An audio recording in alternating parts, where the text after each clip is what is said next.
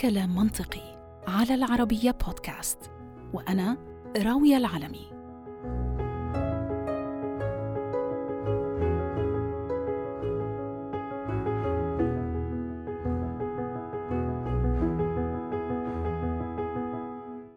حلقة هذا الأسبوع شخصية جدا بالنسبة إلي لأنه من عدة أشهر تم تشخيص والدتي بمرض سرطان الرئة. الخبر طبعا وقع كالصاعقة علي وعلى كل أفراد عائلتي وبدأنا جميعا ووالدتي أولنا رحلة نفسية أشبه ما تكون بقطار الملاهي الأفعواني بيرفعنا ما بين ساعة لأخرى لحدود الأمل وبعد هيك بيخسفنا لهاوية الخوف. تم اكتشاف مرض والدتي بالصدفة البحتة فهي ما كانت تعاني من أي أعراض أو تشعر بأي تغيير بيدفعها لاستشارة الطبيب. وهذا يمكن ما جعل صدمتها وصدمتنا أكبر.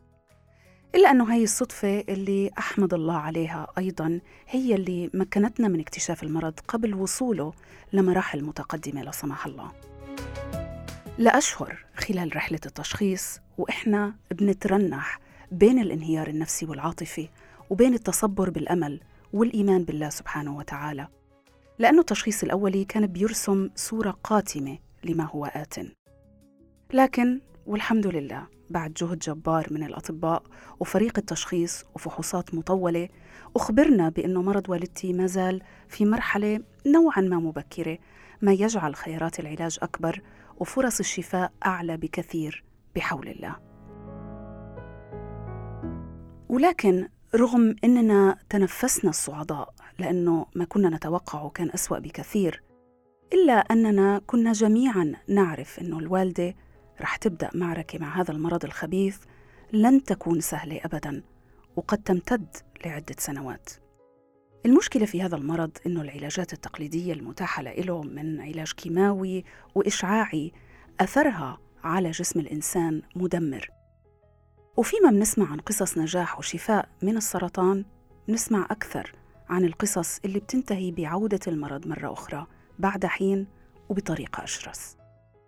المهم وحتى ما أطول عليكم والدتي وإحنا كنا والحمد لله محظوظين لأنه أحد الأطباء المشرفين على علاجها اقترح استخدام علاج جديد لم يكن متاح قبل عدة سنوات وبعد إجراء الفحوصات اللازمة تبين إنها أي الوالدة مرشحة جيدة لتلقي هذا النوع من العلاج لوجود مؤشرات حيوية داخل نوع الخلايا السرطانية اللي أصابتها بتدل على إنها بإذن الله رح تستجيب.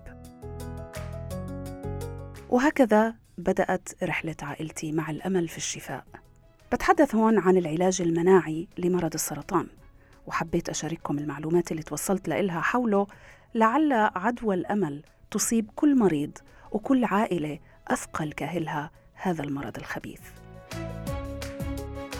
لكن ما هو العلاج المناعي للسرطان؟ وكيف بيعمل؟ وما مدى فعاليته؟ الحقيقة للإجابة على هاي الأسئلة حبيت أنه نستوضح من متخصص من داخل المجتمع العلمي اللي بيعكف على بحث وتطوير وتحسين أداء هذا النوع من العلاج.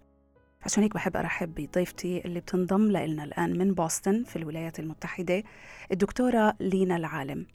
أهلا وسهلا فيكي يا دكتورة معنا في كلام منطقي على العربية بودكاست أهلين راوية شكرا كثير لاستضافتي وأنا كثير مبسوطة إنه رح تتطرق إلى هذا الموضوع بالسرطان قبل ما نبدأ بس في تفاصيل العلاج اسمحوا لي متابعينا الكرام إني أعرفكم أكثر على ضيفتي.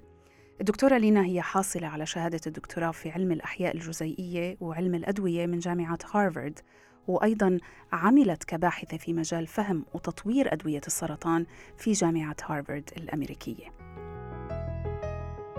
طيب دكتورة لينا قبل ما نبلش بالحديث بالتفاصيل خليني بس أعطي هيك فرصة للمتابعين إنهم يفهموا فكرة هذا العلاج بشكل عام وبعدين بندخل بالتفاصيل.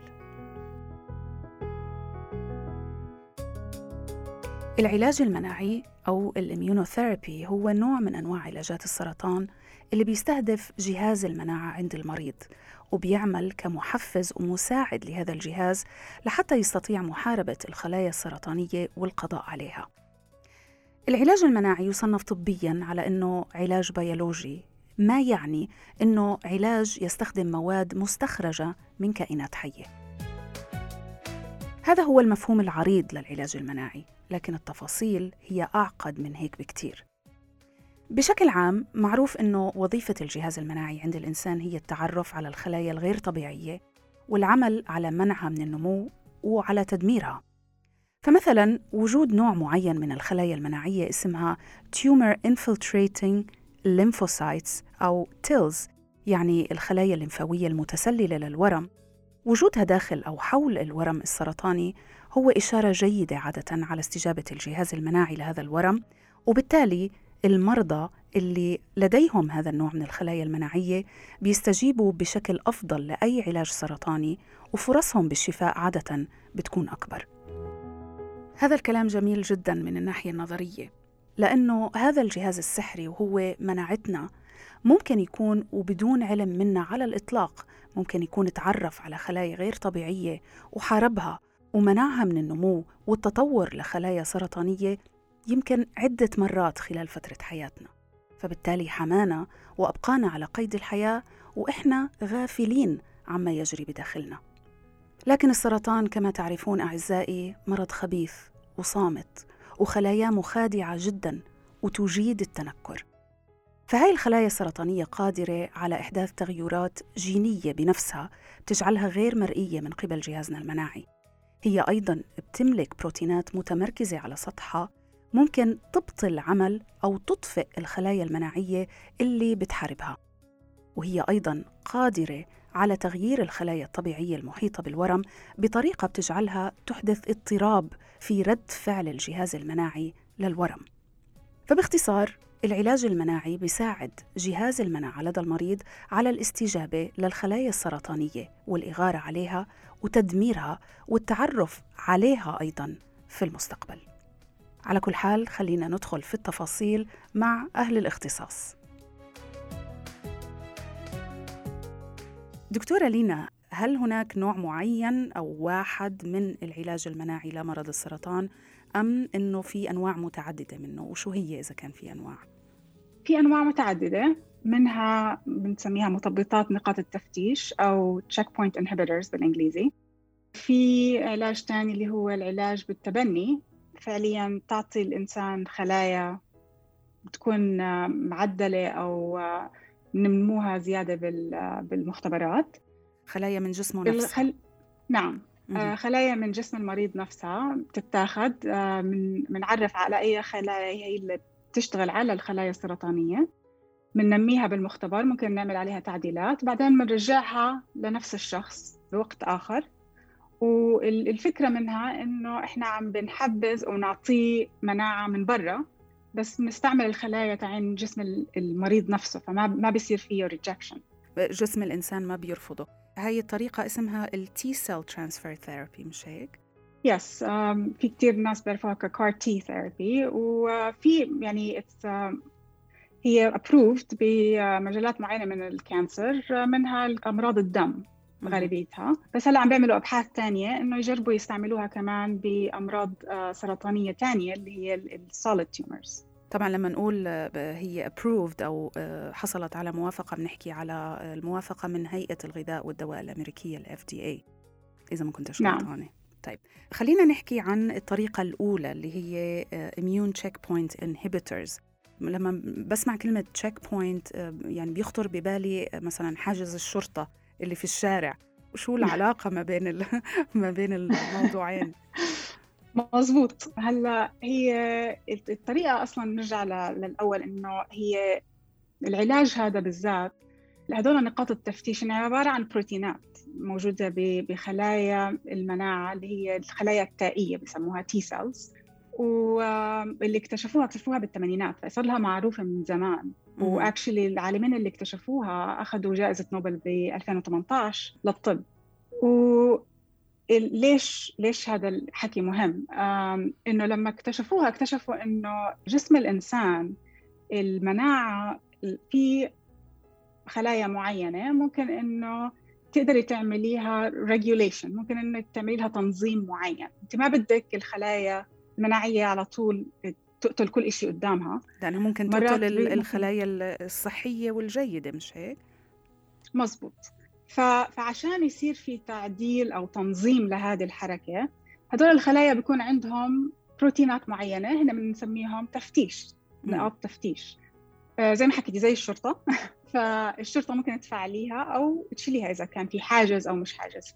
فهدول النقاط الخلايا الطبيعية مرات تعطي زي ما تحكي سيجنال آه، لهدول الخلايا المناعة إنه إحنا خلايا طبيعية ما ما تتخلصوا منه فاللي بيصير بهذا النوع من العلاج إنكم بتشيلوا نقاط التفتيش هاي وبتطلقوا يد الجهاز المناعي بالجسم نوعا ما. هلأ هي اللي بيصير بدك تفكري فيها بوقت السرطان. هلأ هذا بالحالة الطبيعية موجودين هدول البروتينات وهو مش بروتين واحد يعني في عده عدة بروتينات منهم.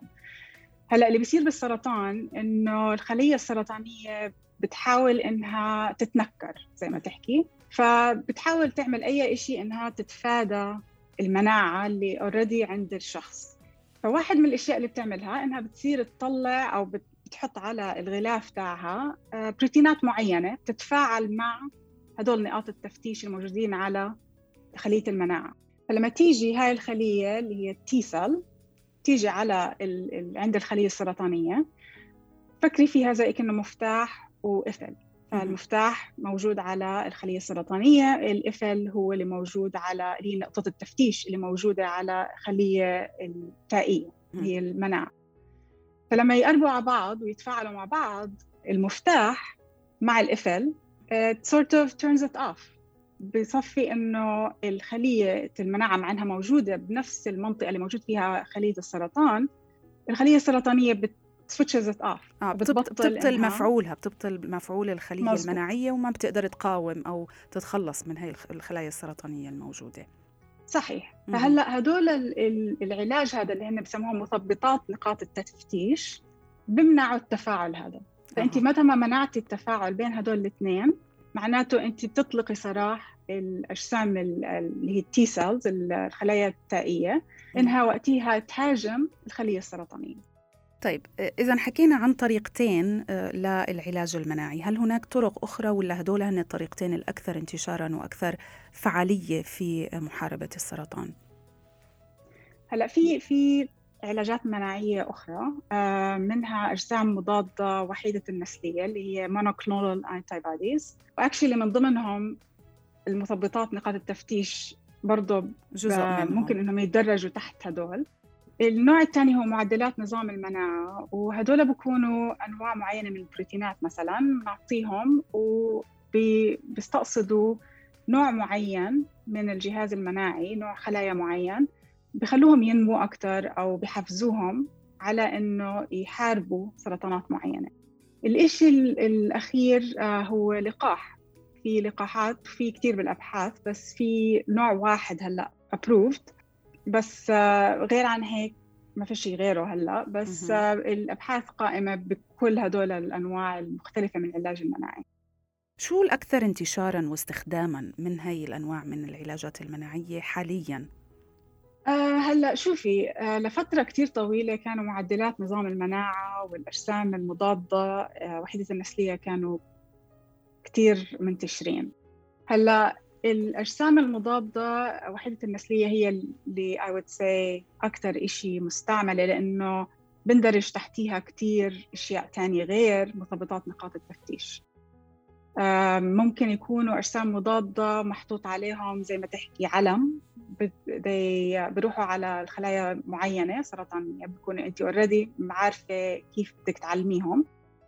ويتعلموا وجهاز المناعة بعدين بتعرف عليهم على إنه إشي شيء غريب وبتخلصوا منهم. هذه مثلا تندرج تحت الأجسام المضادة وحدة النسلية مع مرتبطات نقاط التفتيش. فتحتيها في أكثر من من نوع. من علاج ف I would say هي اللي يمكن أكثر إشي في تحتها علاجات. طيب آه، دكتورة مين المرضى أو نوعية المريض اللي ممكن تستفيد مريض سرطان طبعا اللي ممكن تستفيد من العلاج المناعي؟ هل هو علاج بيقدروا يعطوه الأطباء لكل مرضى السرطان بغض النظر على أي ستيج أو مرحلة من تطور المرض وبغض النظر عن نوع السرطان ومكان وجوده بجسمهم؟ هلا لا طبعا. السرطان كتير معقد آه، جدا. ولكل من هدول العلاجات اللي قعدنا نحكي عنهم كل علاج له نوع سرطان معين آه، مرحلة السرطان تفرق كل سرطان مثلا آه، سرطان الثدي أو سرطان الرئة تحتيه بندرج أكثر من نوع. يعني إحنا لما نحكي سرطان رئة هذا لا يعني إنه كل السرطانات تعين الرئة مثلا ممكن إنك تستعملي مثبطات نقاط التفتيش. في أنواع معينة في مراحل معينة. نفس الشيء لسرطان الثدي سرطان المثاني. هدول كلياتهم ممكن إنه يستعمل فيهم مثبطات نقاط التفتيش. ما بس ما بتقدري تحكي إنه بجميع المراحل أو بجميع آه، الأنواع. بس في يعني عدد لا بأس به من من الأنواع سرطانات.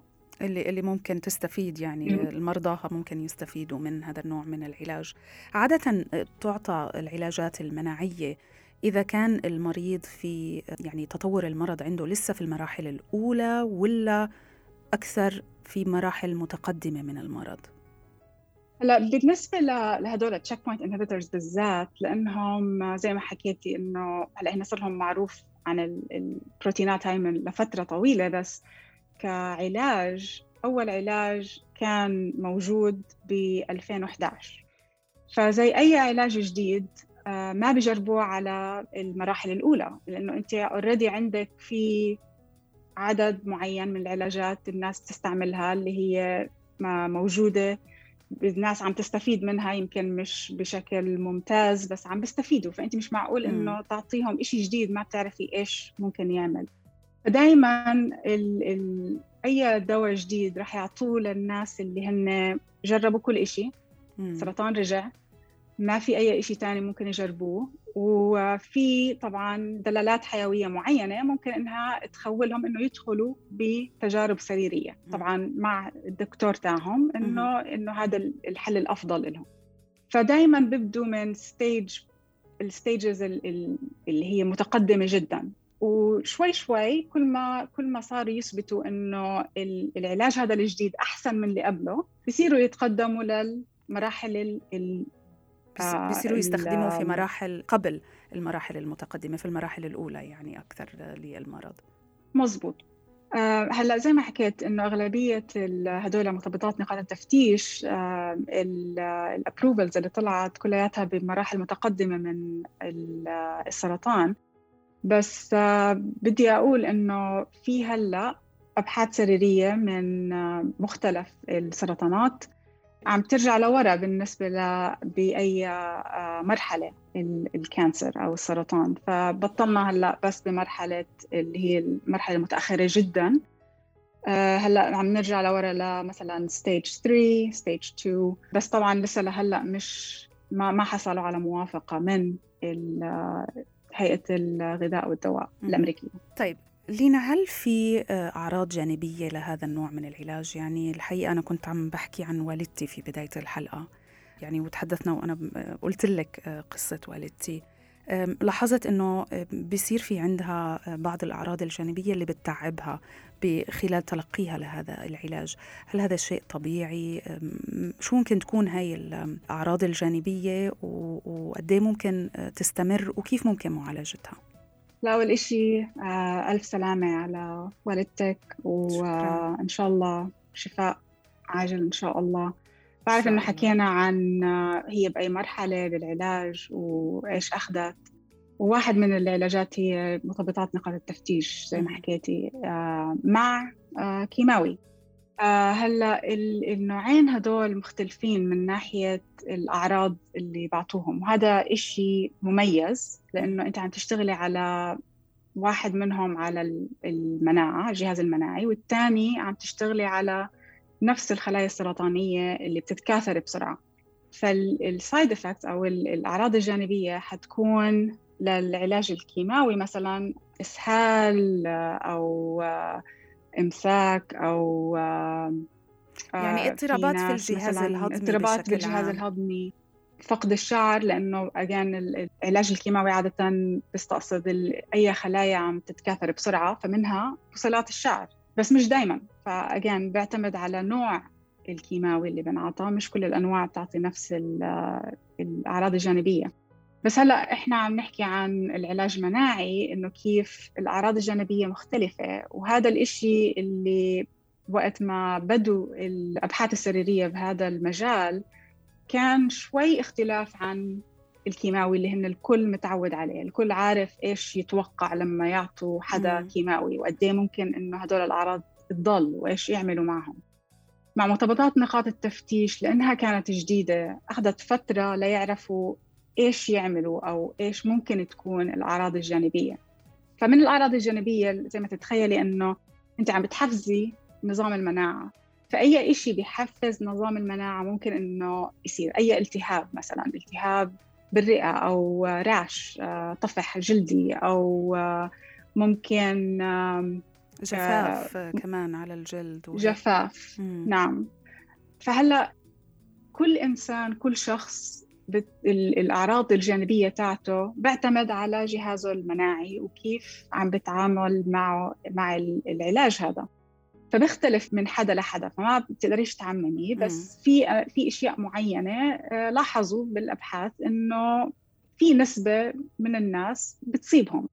هلأ الشيء اللي بدنا نفكر فيه إنه كمان قد إيه سيئة هذه الأعراض الجانبية؟ هل هي سيئة لدرجة إنه الشخص هذا عم بتأثر كثير مثلا على أعضاء معينة بالجسم؟ ولا هل هي يعني أوكي موجودة بس ممكن منها متحملة.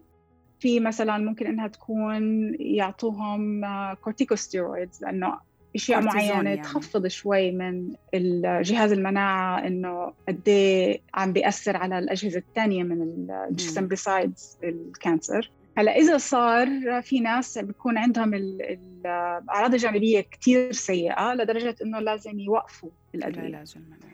كل كل case أو كل مريض على حدة على حسب وضعه. طيب دكتورة كيف بيتاخذ العلاج المناعي؟ عن طريق الوريد ولا عن طريق الفم؟